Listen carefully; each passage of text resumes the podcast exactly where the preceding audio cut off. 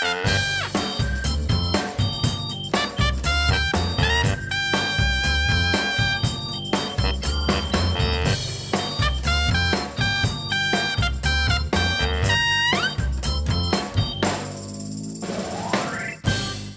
is nog altijd coronatijd. En als christenen eh, vieren we het avondmaal. Doen we dat in coronatijd of slaan we dat nu eventjes over? Dat is een van de vragen die aan bod komt in deze CEP-podcast bij Arian Mulder. Arian, welkom in de podcast. Goedemorgen. Mooi dat ik hier mag zijn, want dan zit ik natuurlijk bij jou aan de keukentafel hier in Purmerend. Boven Amsterdam, voor de mensen die het niet weten. Eh, voelt het ook een beetje als eh, Amsterdam? Want eh, Amsterdam wordt wel eens gezien als groter dan Amsterdam alleen, hè? Zo'n buitenwijk. Ja, nou voor mij is het andersom. Oh. Voor mij is Amsterdam eigenlijk een voorstad van Purmerend. Je draait het om, ja, zo kan het ook nog. Als ik bij Amsterdam eh, van de snelweg af ga, dan heb ik echt het idee dat ik de Randstad achter me laat. Oh ja. En hier in de rust kom, zeg maar. Ja, Maar als ik voor een boekwinkel of wat dan ook, heb ik Amsterdam vlakbij. dat is echt ideaal, hè? Ideaal. Ja, mooi. Zeg, eh, Arjan, eh, voor de mensen die jou niet kennen, jij hebt ooit een boek geschreven over het avondmaal, hè? De ontdekking van het avondmaal in het boek. En vandaar dat we ook hebben uitgenodigd voor deze podcast, want eh, in coronatijd eh, zijn allerlei onderwerpen aan bod gekomen. Hoe gaan we om met de doop? Hoe gaan we om met überhaupt samenkomen? Maar avondmaal is natuurlijk ook een eh, aspect wat heel belangrijk is in ons geloofsleven. En er zijn een aantal theologen die vinden dat je misschien beter avondmaal kunt overslaan in coronatijd, omdat je niet met de kerk kunt samenkomen. Anderen doen er iets minder moeilijk over, die doen het achter de livestream of gewoon thuis met het gezin. En ik ben benieuwd hoe jij dat eh, heeft vormgegeven in coronatijd. Ehm, ja, nou, ehm, daar zit, je, je noemt het hele spectrum. Hè? Er zijn eh, mensen die, van, die zeggen van nou, dat kan echt niet. En Ja. er zijn mensen van nee, doe dat lekker thuis. Eh, en je hebt het ook wel gezien aan het boek wat ik geschreven heb, is dat ik daar heel veel ruimte in gevonden heb in Hmm. de afgelopen jaren. En voor mijzelf, ja, die, die ruimte gaat zelfs zo ver. Weet je, het- in zijn algemeenheid is het heel vaak zo, we doen dingen op een bepaalde manier en dat doen we om een bepaalde reden. En dat betekent dat je altijd te maken hebt met de vorm en met de inhoud van dingen. De inhoud van het avondmaal is natuurlijk dat we van Jezus houden Mhm. en dat we dankbaar zijn voor wat hij gedaan heeft. Maar we hebben 2000 jaar geschiedenis en daardoor krijg je vormen die ook een plaats innemen, zeg maar. En dat heb je met alles, dat heb je ook gewoon met je eigen huishouding, met alle praktische dingen, dat je een bepaalde vorm hebt. En wat mij eh, vaak opvalt is dat de vorm, die gaat toch vaak ook aan de inhoud in de weg zitten. Weet je wel, de gewoontes die we ontwikkeld hebben. Nou, en als je dan vraagt hoe heb ik het gedaan, ik doe het even als een aanloopje omdat ik iets heel raars ga zeggen. En het is dat ik eh, onlangs avondmaal heb gevierd met een kopje linzensoep en een Turks broodje. Oh ja? Ja, En waarom is dat raar in sommige ogen? nou, omdat het geen wijn is, bijvoorbeeld. En het punt is, ik was alleen, door, door omstandigheden, ik was alleen. En ik had gewoon behoefte om weer die dankbaarheid, die ver- verbondenheid met Jezus weer te vieren, zeg maar. En, eh, maar ik had geen, geen wijn in huis, dat heb ik niet, want mijn lichaam kan er niet meer tegen, dus ik drink geen, geen wijn. En, eh, maar ik, ik zat, ik was, er- ik, gewoon, ik was aan het eten, ik had eh linzensoep, mijn vrouw maakt heerlijke linzensoep, Kijk. kan ik je aanraden. Oh, En, eh, en een stukje brood, hè, en eh, zo Ja. eet ik dan graag. En dat moment heb ik gebruikt om dat avondmaalsmoment te vieren. kijk. En zeg je misschien van ja, maar linzensoep is geen wijn. En daar, daar kom je gelijk al op wat ik net zei, op die vorm en die inhoud. Want ik drink dus geen wijn meer. Nou zeggen ze dan, dan neem je toch druivensap. Ja, wat is het? Het lijkt toch nog op rood, rood eh, sap, zeg maar. Het Ja. lijkt erop. Ja. Maar moet je eens opletten wat we dan doen. Als het ons uitkomt, gaan we dus wel heel makkelijk schuiven. Hm. Want het gaat om wijn. En er zijn mensen die zijn heel precies over alle aspecten, weet je wel. Dit is het, dus zo moet het zijn. Ja. Maar als het ons uitkomt, dan zeggen we wel van nee, neem dan maar wat druivensap. Hm.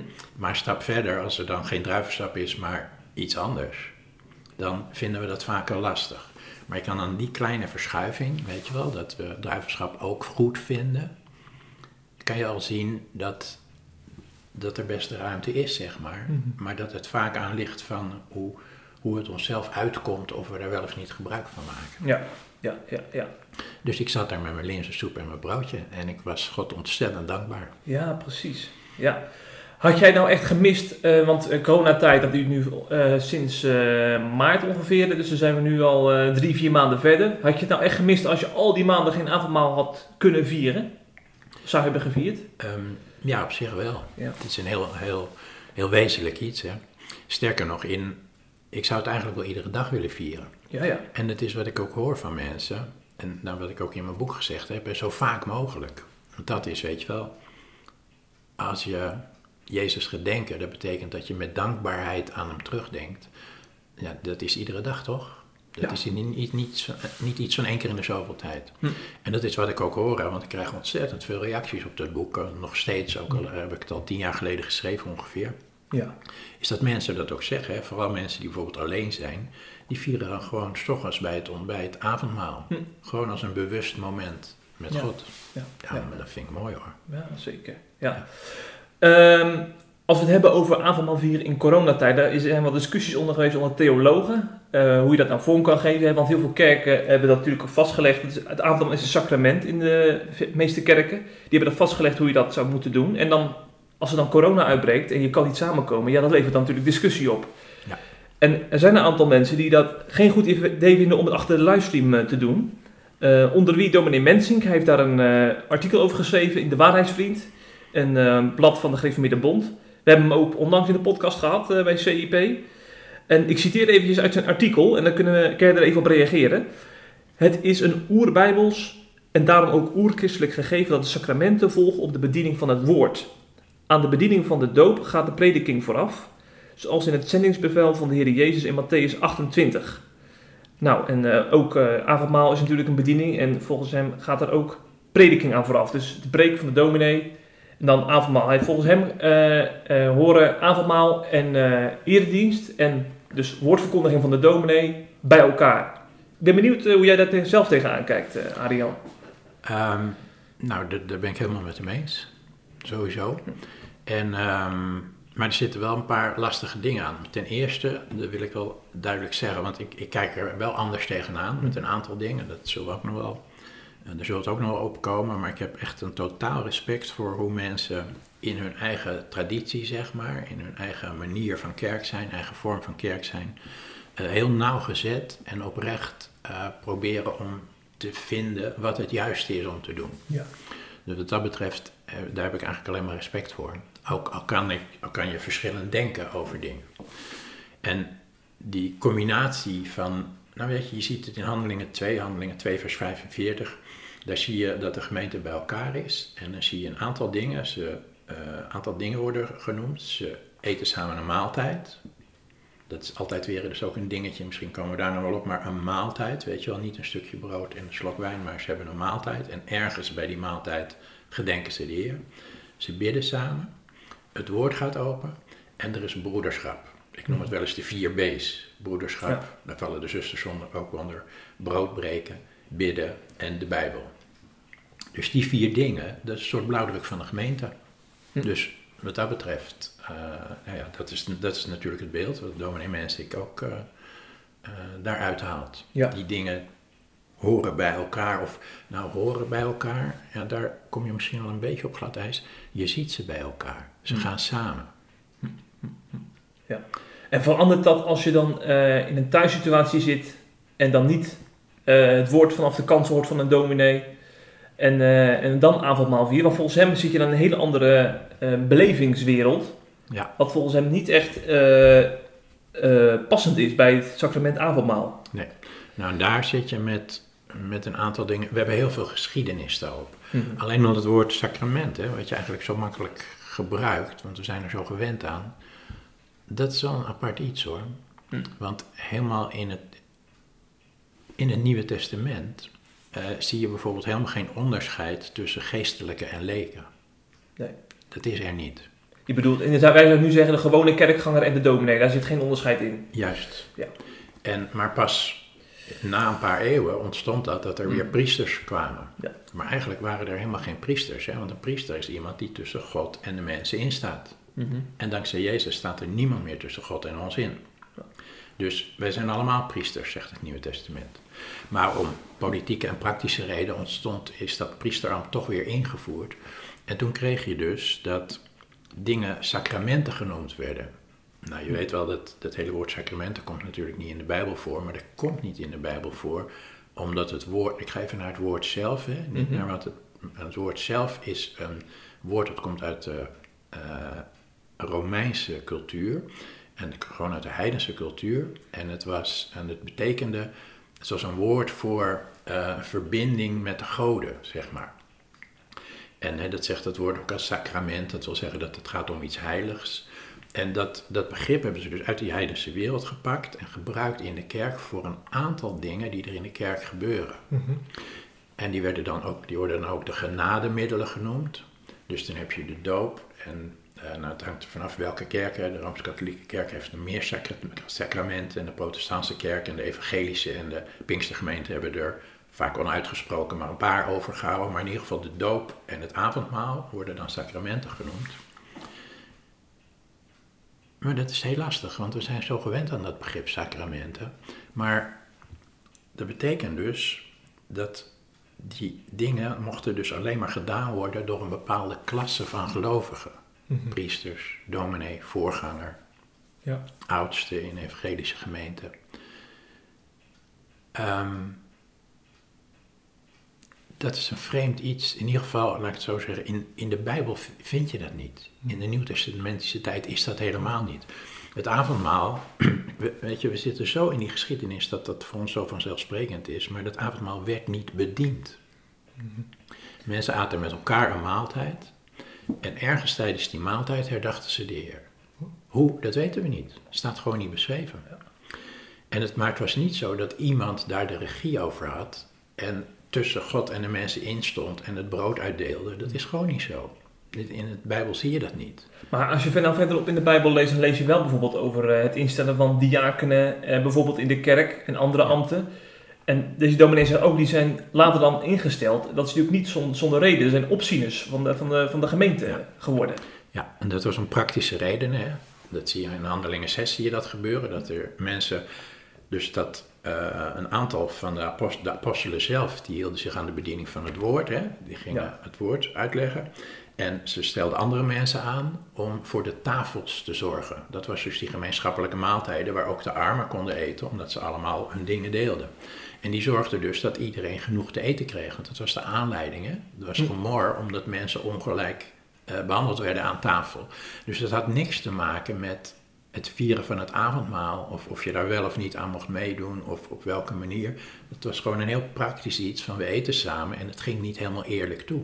Hm. Dus dachten ze, daar moeten we voor zorgen. Dus daarvoor werden die mensen aangesteld. Ja, ja, ja. Dus als we het dan hebben over. ehm, laten we dat maar even naar voren schuiven, nu we het toch over opzicht hebben. Daar zouden we het eigenlijk later in de podcast over hebben. Maar als we het dan hebben over eh, opzicht. eh, dan zeg je dus dat is, dat is eigenlijk heel goed als we het daarover hebben. Maar dan moet je dan wel in de juiste, eh, op de juiste manier zien. Dus meer praktisch.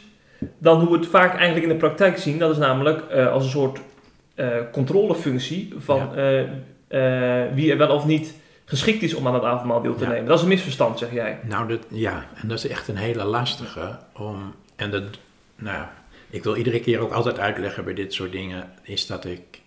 Dat het zo begrijpelijk is dat we dat doen. Want we willen Ja. het goed doen voor God. Hè? God Zeker. is heilig en we willen Ja. het goed doen. Dus vandaar dat we dat soort dingen eh, hebben ontwikkeld. Maar er is, ja, misschien zeg ik wel eh, iets heel raars voor je oren, maar er is helemaal geen controle bij het avondmaal. Er is maar één soort controle en dat is dat je jezelf moet controleren. En ik zal, het staat niet eens in het boek, want ik heb het pas onlangs drong het tot me door. Ik zal je een voorbeeld geven uit hoe dat ging in de gemeente van Korinthe. Ja. Paulus is boos op die gemeente. Hij, hij schrijft zo'n mopperbrief.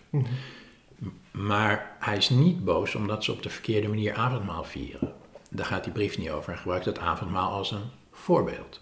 Hij is boos omdat ze de liefde kwijt zijn. Vandaar dat het, het, het hoogtepunt van die brief is het hoofdstuk over de liefde. Daar gaat het allemaal naartoe. En dan gebruikt hij het avondmaal als voorbeeld. En wat is nou het voorbeeld? Hij zegt bij jullie gezamenlijke maaltijden. Dus aan het eind van de dag kwamen ze allemaal bij elkaar. En iedereen nam mee wat hij kon delen. En dan aten ze samen. En er waren er een aantal die aten zich gelijk al vol. En een aantal kwamen later en dan was er niks meer over. En degenen die later kwamen, dat waren natuurlijk de slaven en de armen, die moesten werken. En de rijken kwamen het eerst, want die hadden de tijd. Dus wat er gebeurde en waar Paulus zo boos over was, is dat mensen, weet je wel, net als dat we net zei over die aanstelling van diakenen bij de tafel, is dat er gewoon mensen niet eerlijk met elkaar waren, dat er geen liefde was, dat ze niet voor elkaar zorgden. En, maar daaraan zie je al, kijk, ze hadden een maaltijd en ergens een onderdeel daarvan was ook het herdenken van de Heer. Maar je kan hieraan al aan zien dat er dus een gedeelte van de mensen gewoon zichzelf al vol schransde en niet op hun broeders en zusters wachten. Als het avondmaal bediend zou worden, dan zou daar toch iemand op gelet hebben. Als er dus iemand was, een soort priesterachtig, domineeachtig iemand, die dat brood en die wijn moest uitdelen, zou die toch gezegd hebben: jongens, wacht even, dit doen wij niet, hè? Wij wachten op onze arme broeders en zusters, die hebben het nog meer nodig dan wij. Daaraan alleen al, weet je wel, aan dat voorbeeld, aan die wanorde die er daar was, zie je dat mensen gewoon zelf aan tafel zaten, met elkaar, een maaltijd hadden en dus ook die Heer herdachten met een stukje brood en wijn. Ja, helder. Maar als we dan toch eventjes uh, van de andere kant uh, belichten, want uh, dominee Mensik zegt ook van stel, je ziet wie er aan het avondmaal gaan als ouderling in de kerk, en dan zie je ook wie er niet aan het avondmaal gaan. Dan is het natuurlijk juist goed om dat in het oog te hebben, want dan kun je als ouderling bijvoorbeeld een keer een paar weken later een afspraak maken van, om, om er op, een opbouwend gesprek over te voeren. Wat, wat ja. staat er in de weg in uw geestelijk leven? Ja. Dat is natuurlijk wel de, de, het voordeel van opzieners, die, die daarover de, zeg maar het overzicht houden tijdens hun avondmaalsdienst. Ja, dat, is, dat is absoluut een heel positief iets. Hè? Dat ja. als je ziet dat iemand er ergens mee worstelt, blijkbaar, dat je probeert hem te helpen. Ja. Maar wat ik lastig vind, erg lastig, is waarom verbinden we dat met het avondmaal? Hm. Dat is iets wat we dagelijks zouden moeten doen. Weet je wel, dat we gewoon contact hebben en dat als jij ziet dat ik worstel met iets, dat je zegt, Arjan, waar kan ik je mee helpen? Het vreemde is, het is echt vreemd hoor, dat we dat met het avondmaal verbonden hebben. Want dan gaan wij dus controleren wie er avondmaal viert. En weet je waar dat allemaal vandaan komt, is ook uit die tekst, uh, uit die Korinthebrief, waar Paulus zegt dat we onszelf moeten onderzoeken. En daarop hebben wij gedacht van ja, als je dus niet oké bent, dan moet je dus geen avondmaal vieren. Nou, daar heb ik zelf jaren mee geworsteld. Want wanneer, en, en daar worstelen mensen nog steeds, want wanneer vier je nou wel en vier je nou niet? Hm. Is er verschil tussen grote en kleine zonden? Als ik net lelijk heb gedaan tegen mijn vrouw, mag ik dan niet aan het avondmaal? Maar als ik uh, mijn belastingformulier een beetje creatief heb ingevuld, mag ik dan wel aan het avondmaal? Ik noem echt expres wat rare voorbeelden. Als ik niet aardig geweest ben tegen de cashier in de supermarkt, mag ik dan niet aan het avondmaal? Er is geen verschil tussen kleine en grote zonden. Er is alleen maar of we met liefde handelen of niet met liefde handelen. En niemand van ons is zonder zonde. Ja. En dat zie je ook bijvoorbeeld in zo'n boek van Knielen op een bed violen van Jan Siebelink. Zie je ook dat er gemeenschappen zijn waar eigenlijk niemand aan het avondmaal gaat. Want we zijn niet waardig. Nou, dat klopt natuurlijk. We zijn ook niet waardig. Dat is het hele punt van het avondmaal. We zijn niet waardig om voor God te verschijnen, maar Jezus heeft ons waardig gemaakt. Ja. Nou, als Paulus dan tegen de Corinthiërs zegt van je moet jezelf onderzoeken, dan moet je gewoon, gewoon lezen wat er staat. Dan zegt hij niet onderzoek jezelf en beslis dan of je wel of niet kan deelnemen. En er staat al helemaal niet onderzoek een ander. Dat staat er echt niet. Maar hij zegt onderzoek jezelf en neem zo deel. Mhm. Dus er is geen achterdeur. Je, kan, je mag helemaal niet eens zeggen, ik doe niet mee. Oké, en uh, nou even een brugje te maken met uh, uh, avondmaal 4 achter de livestream. Als je dat zo bekijkt, dan is het, hoeft er dus ook geen ouderling bij te zijn, want dan heb je al genoeg aan jezelf. Ja. In dat opzicht. Ja. Want dat is natuurlijk vaak het punt dat, dat nu kritisch wordt gekeken naar avondmaal achter de livestream in coronatijd. Er is geen ouderling bij, dus er is ook geen opziener. Die weet ook niet hoe de gemeente dan met het avondmaal omgaat, bijvoorbeeld. Nee. Dat is vaak een punt ja. nu. Nou, en dat hebben we net gezien, hè? hebben we het net over gehad. Bij die gemeente in Korinthe kan je dus gewoon zien dat dat niet zo was. Ja. Er waren wel opzieners, maar dat ging niet daarover. Hm. Die onderlinge zorg die we moeten hebben, van hoe gaat het met je en kan ik je helpen, dat hoort ons hele christenleven te doortrekken. Dat is helemaal niet alleen aan het avondmaal verbonden. Hm. Weet je, als we, uh, dominee Mensik, die dat artikel geschreven heeft waar we het over hebben, die uh, komt uit de Calvinistische traditie. En uh, Calvijn schrijft in de uh, institutie schrijft hij van Nee, in de, in, eh, in de Geneefse catechismus schrijft hij... eh, hoe zou je naar iemand moeten kijken die geen avondmaal viert? Calvijn, hè? De stamvader van het Calvinisme. Ja. Hij zegt, die zou je niet als christen kunnen beschouwen. Omdat je dan Christus afwijst. Omdat je, dat is feitelijk wat je doet. En Ja. dat wil je niet, hè? Want je bedoelingen zijn goed. Je wil juist goed zijn voor Christus, maar je kan nooit goed zijn. Ja. Het is zijn genade die je aanneemt. Hij zegt ook, doe dit. Hij zegt niet, doe het als je vandaag nou eens wat minder gezondigd hebt dan anders. Hij zegt, doe dit. Dus het is juist die... Nou, en dat is, een, dat is wel een heel moeilijk punt. Hè? Dus we maken het onszelf dan heel moeilijk, want we willen volmaakt zijn. Maar het is juist omdat we onvolmaakt zijn dat Jezus is gekomen.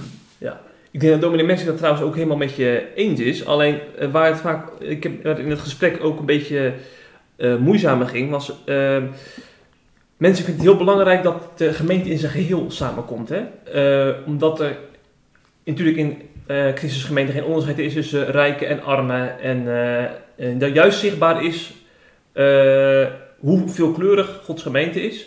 En hij zegt, als je dat loslaat, dat, dat principe, dan kan het natuurlijk zo zijn dat je op een gegeven moment bijvoorbeeld alleen met vrienden in de huiskamer avondmaal gaat vieren. En dan is het hele idee van gemeente zijn is dan zoek. Want dan kies je als het ware zelf de gemeente uit, terwijl God eh, de gemeente samenbrengt.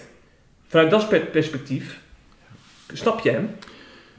Ja, dat snap ik. Alleen eh, wat wel lastig is, is wat is dan de gemeente?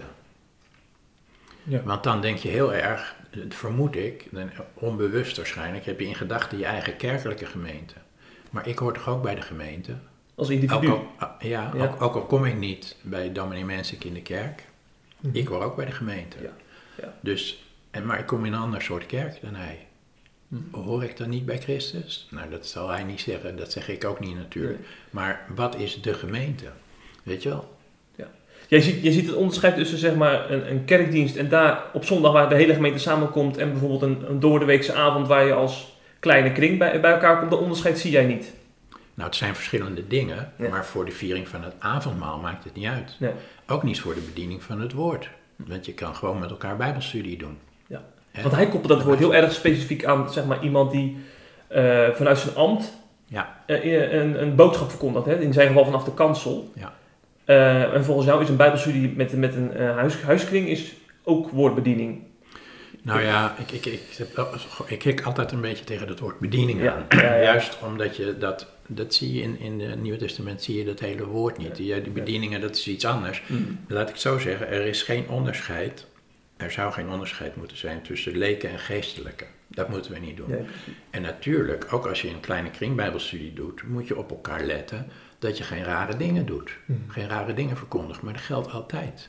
Weet je, als ik in, eh, in de trein met iemand zit te praten, dan moet ik ook een wacht voor mijn mond zetten, weet je wel, voor wat, dat ik geen onzin vertel. Dat geldt overal. Ja. En hij- hij- wat daar, die, die combinatie, hè, waar we ook mee begonnen, van prediking en avondmaal en dat soort dingen. Prediking en doop, hè, heeft meneer Mensink het ook over. Die dingen zie je in de Bijbel bij elkaar komen, maar dat is een logische volgorde. Mhm. Dat is omdat mensen eerst het woord horen en dan zeggen: Oh, maar dan wil ik ook. En dan wil ik gedoopt worden. Snap je? Ja. Dat is, maar het is niet een inhoudelijke of rituele volgorde. Het is niet zo dat er eerst gepreekt moet worden voordat je gedoopt kan worden. Ja. Het is niet zo dat er eerst gepreekt moet worden voordat je avondmaal kan vieren. Dat is wel fijn, dat is wel verstandig. Natuurlijk wil je overal het woord bij hebben. Maar het is niet een voorwaarde dat een dominee eerst moet preken en dat je dan pas avondmaal kan vieren. Hm. Kijk maar naar Korinthe. Ja, ja, ja. Ja, het heeft natuurlijk ook te maken met een stukje kerkcultuur. Hè? Wij, eh, als je zeg maar komt uit een kerk eh, waarin een kerkorde is en dit allemaal is vastgelegd zeg maar, in sacramenten en bedieningen, eh, dan, is het, dan kan ik me voorstellen dat je in coronatijd even denkt van hé, hey, hoe, hoe, moet- wat moet ik nou met het Ja. avondmaal? Ja, dat is heel verwarrend natuurlijk. Ja. En dat, maar dat zie je ook. En dat hele artikel, als je dat leest, is dat daar heel veel geschiedenis in zit. In, in de redenering die er gebruikt wordt. En dat is op zich niet verkeerd. Geschiedenis is waardevol, weet je. Je doet dingen en je staat op de schouders van je voorgangers. Maar het is ook wel belangrijk om, zeker in tijden van crisis, hè, dus vaak een mooie gelegenheid, om je weer even los te maken van waarom deden we dat ook weer allemaal. Nou, dat probeert meneer Mensik ook te doen. Maar ehm, ja, die hele geschiedenis kan dus ook ja, je kan er ook last van hebben. Hm. Weet je wel, want sommige dingen zijn zo vanzelfsprekend. Ja. Weet je, dat, dat, dat beoordelen van, bijvoorbeeld, dat de gemeente moet kunnen zien, hè, schrijft hij, wie er aan tafel gaan. Dat begrijp ik, hè, want er zit een soort angst, een soort zorg in dat het verkeerd gaat, weet je. Maar kijk dan eens terug naar toen Jezus het avondmaal instelde. Kijk eens naar Judas. Eerst was die Jezus, was Judas de voeten, terwijl hij weet dat Judas hem gaat verraden en dat hij verschrikkelijk zal lijden door toedoen van zijn vriend, die een vijand is geworden. En daarna, hij stelt het avondmaal in en hij biedt Jezus een stuk, eh, Judas een stuk brood aan.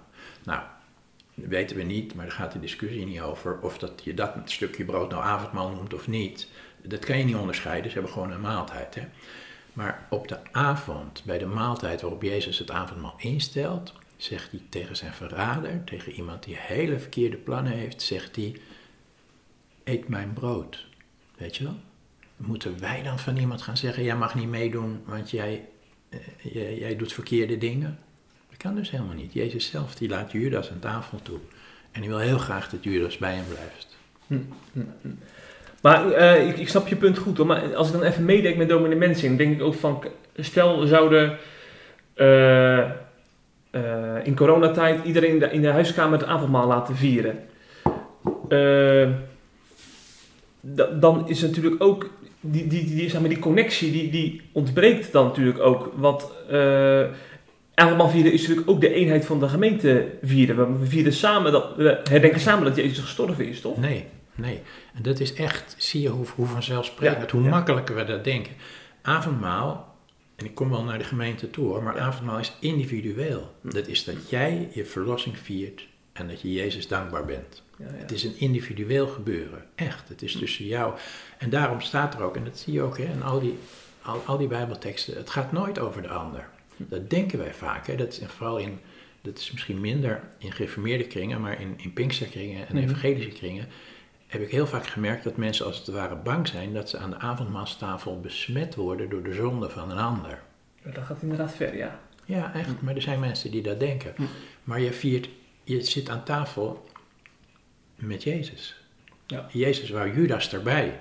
En daar werden de anderen niet slechter van. Hm. Weet je wel, dat gebeurt niet. Judas maakte een verkeerde keus. Weet je wel, dus hij nam wel het brood, maar hij vertrok in de nacht.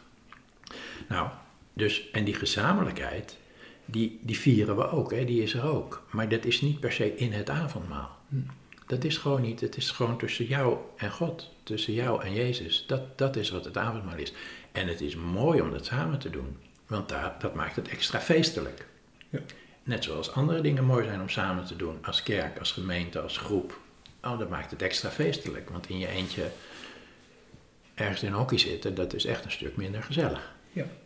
En eh, eh, misschien ook goed om even het eh, aspect beleving hierbij te pakken. Want ik heb ook een idee dat, stel, we zouden, je hebt het net over linzensoep gehad. Het, bij, bij sommige mensen die, die denken dan bij thuis, eh, je haalt even wat uit de kast, eh, je gaat voor een scherm zitten, eh, je pakt een crackertje als, omdat je geen, geen brood hebt bijvoorbeeld. Die hebben dan al gauw het idee dat het oneerbiedig is. Maar dat heeft natuurlijk Ja. ook heel erg te maken met hoe je zeg maar je relatie met God beleeft in de kerk. En als het dan in coronatijd opeens heel simpel wordt met, met een linzensoep en, en een crackertje. Ja. In de beleving van mensen eh, eh, gaat er dan iets mis hè? Ja. In, in de hoofden. Ja, nou dat zeg je mooi hoor. Dat is, het zit in je beleving, weet je. We, zitten, we, hebben, we zijn zo, zo gewend aan hoe we het gedaan hebben. Ja. Bovendien wordt het avondmaal vaak ook heel plechtig en gedragen gedaan. Dat maakt het nog sterker, weet je wel. Dus dat maakt die emoties sterker, terwijl het natuurlijk een bevrijdingsfeest is.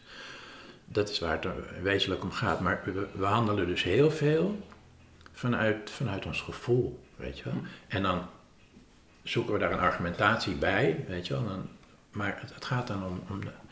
Ik zou gisteren, even een voorbeeldje, een heel ander voorbeeldje. Gisteren heb ik, ik heb twee kleinzoons. Dat zijn de leukste kleinkinderen ter wereld, dat begrijp je wel. ja, zeker. Dat geloof ik graag. En eh, ik ging ze even gedag zeggen, want ze gaan op vakantie. Maar het moest van achter glas, vanwege Corona. corona.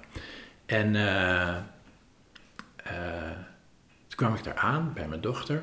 En dan stonden ze voor het raam te springen op de bank. En ik ben gek op ze. En ik vind het heerlijk om lekker, nou ja, ik ben lichamelijk eh, beperkt, maar om een beetje te stoeien en te knuffelen, zeg maar, weet je wel. Om, uh, spelletjes te doen, dingen te doen. En dan zat er glas tussen. En daar, ik merkte die twee dingen. En dat is voor het avondmaal ook best een aardige parallel, denk ik. Ik, was, ik ben gek op die jongens, dus ik was hartstikke blij om ze te zien. Maar er zat glas tussen ons. Het was anders. Weet je wel? Maar was het dan minder waardevol? Nee, het zijn nog steeds mijn kleinkinderen. En ik ben gek op ze, maar ik kan niet meer met ze omgaan zoals ik het het liefste wil. Nou, zoiets natuurlijk, dat geldt voor alles. Hè? Zoiets mhm. kan je ook naar het avondmaal kijken. En natuurlijk wil ik dat graag met elkaar vieren. Weet je wel? En dat je dingen met elkaar deelt. Zoals in Handelingen 2, vers 45. Ze hadden gemeenschap, dus ze deelden lief en leed. Juist rond het avondmaal hè, kan je tegen elkaar zeggen waar je mee zit en waar je blij mee bent. Dus, en nu zit er in de coronatijd ook een glas tussen ons. Met het avondmaal zou je kunnen zeggen. Dat maakt het anders, maar niet verkeerd. Ja, ja. ja precies. Maar inderdaad, omdat we het niet gewend zijn, uh, hebben al gauw zoiets van. Uh, uh, maar kan, kan, dit dan wel volgens de Bijbel? Hè? Ja. ja. Dat gaan we dan al gauw denken. Ja. ja. Maar daar moeten we los van komen, wat jou betreft. Dat, dat is, dat is een, een verrijking als je daar los van kan komen. Hm. en ik zeg het misschien ook een beetje makkelijk, maar ik heb tien jaar geleden het boek geschreven, De Ontdekking van het Avondmaal. En voor mij is dat toen, toen heb ik die worsteling doorgemaakt. Hm. Dat ik merkte hoeveel ik, uh, want ik, heb, oh, ik preek en ik geef bijbelstudie al heel lang, ik heb heel lang het avondmaal bediend en al dat soort dingen. En maar dat ik merkte hoe hoe we, ja, precies zoals jij dat zegt, hoe je ook vanuit je gevoel, vanuit hoe het voelt, hoe je het gewend bent, dat je denkt iets verkeerd te doen. Ik heb toen ook heel vaak tegen God gezegd: Oh Heer God, uh, ik wil het niet verkeerd doen hoor, weet je wel, want dat is wat je niet wil. En, uh, maar uiteindelijk was het gewoon heel bevrijdend om helemaal naar die kern terug te gaan. En nou ja, goed, ik ben gewoon weer de Bijbel ingedoken. Hm. En ik, uh, ja, daar heb ik gezien dat het een feest is, zeg maar. Ja. Dat het echt een feest is. we gaan de podcast afronden. Uh, we hebben het al een paar keer over je boek gehad, hè, de ontdekking van het avondmaal. Ik ben heel erg benieuwd of je nou tenslotte nog een mooie les kan leren die je in je eigen proces hebt geleerd. En misschien ook kan meegeven aan uh, dominee Mensik en mensen die zich in uh, zijn verhaal herkennen, die het ook lastig vinden om avondmaal nu vorm te geven, bijvoorbeeld, hè, in deze tijd. Ja, ja wat voor mij is het belangrijkste eigenlijk, is dat ik zelf gemerkt heb, is hoe ik enorm gehinderd werd door de vormen en de gewoontes die ik hm. had. En dat is denk ik voor iedereen van ons, van kijk, kijk daar eens naar, weet je want je wil het graag heel goed doen, maar laat je niet hinderen door, door die 2000 jaar geschiedenis. En, uh, want wat voor mij echt nieuw was, want ik heb ook altijd met het avondmaal, weet je, altijd heel erg geassocieerd met het lijden van Jezus. Maar wat ik geleerd heb, is dat het lijden was het middel. We herdenken niet het lijden, we herdenken wat het lijden tot stand heeft gebracht, onze bevrijding. Dus het avondmaal is niet een zaak van dat we verdrietig moeten zijn omdat Jezus zo geleden heeft. Dat kunnen we ook op zijn tijd. Maar het avondmaal gaat over wat Jezus gedaan heeft met het lijden. Dat we vrij zijn, dat we toegang tot God hebben. Weet je, die dingen. Dus het is, het is een bevrijdingsfeest. En dat is voor mij het allerbelangrijkste. We, we gaan, gaan vaak gebukt onder zorg of we dat wel goed doen, of God het wel goed vindt. En de Bijbel die roept in allerlei toonaarden, maar dit is een feest. Je bent toch bevrijd door Jezus? Dat is toch een feest? Dat is geen lijden, dat is feest. Eigenlijk pleit jij meer voor een 5 mei gevoel bij avondmaal dan een 4 mei idee. Precies, ja, dat zeg je heel mooi. Ja. 4 mei was het lijden van Jezus, zou je kunnen zeggen. En 5 mei zijn we vrij, weet je. En dan ga je dansen en zingen. Hm. Hm, ja, mooie oproep, uh, Adrian. En ik wil natuurlijk ook onze luisteraars verwijzen naar een aanstaande videoserie die op CIP gaat verschijnen. Want we hebben onlangs wat video's opgenomen om wat dieper uh, op de achtergronden in te gaan over wat de Bijbel over het avondmaal uh, zegt. En wat misverstanden erbij gehaald, die, waardoor we het avondmaal nou misschien verkeerd interpreteren. En die gaan we binnenkort publiceren op CIP. Dus ik zou zeggen, hou de website in de gaten. En hoor nog veel meer over het avondmaal. Dat, uh, dat is een uh, oproep die ik nog even mee wil geven aan onze luisteraars. En ik wil je ook bedanken, Adrian, voor deze podcast. Dat je je tijd uh, willen, agenda willen vrijmaken om weer wat te vertellen hierover. En ik hoop dat de luisteraars hiermee geholpen zijn. En misschien zelfs wel avondmaal gaan vieren binnenkort. Dat zou, zou wel kunnen. Ja, dat zou mooi zijn, hè? Ja, ja. zeker. Ik zou zeggen, maak er nog een eh, goede tijd van. Ik, ja, ik wilde eigenlijk zeggen, maak er een goede vakantie van. Maar die heb jij al achter de rug. De meeste gaan nog. Ja, Maar jij bent op de Battle geweest, hè? Ja. Dus, heerlijk rustig. eh, Een Au- Au- aanrader voor mensen die nog vakantieplannen hebben? Of, eh, Ja, het Bettelt is, eh, is echt een hele mooie plek. ja, Ja. Ook, ook een christelijk vakantiepark. Christelijk bijbelstudies en zo. Het is nu ook met corona allemaal wat Ja. lastiger, maar dat hebben ze goed geregeld. Oké, Goede dingen voor de kinderen. ja. Dus eh, genoeg te beleven. Gratis reclame voor de Battle op het Kijk eind. eens. Arjan, bedankt. En, Graag eh, gedaan. en de luisteraars, tot de volgende podcast.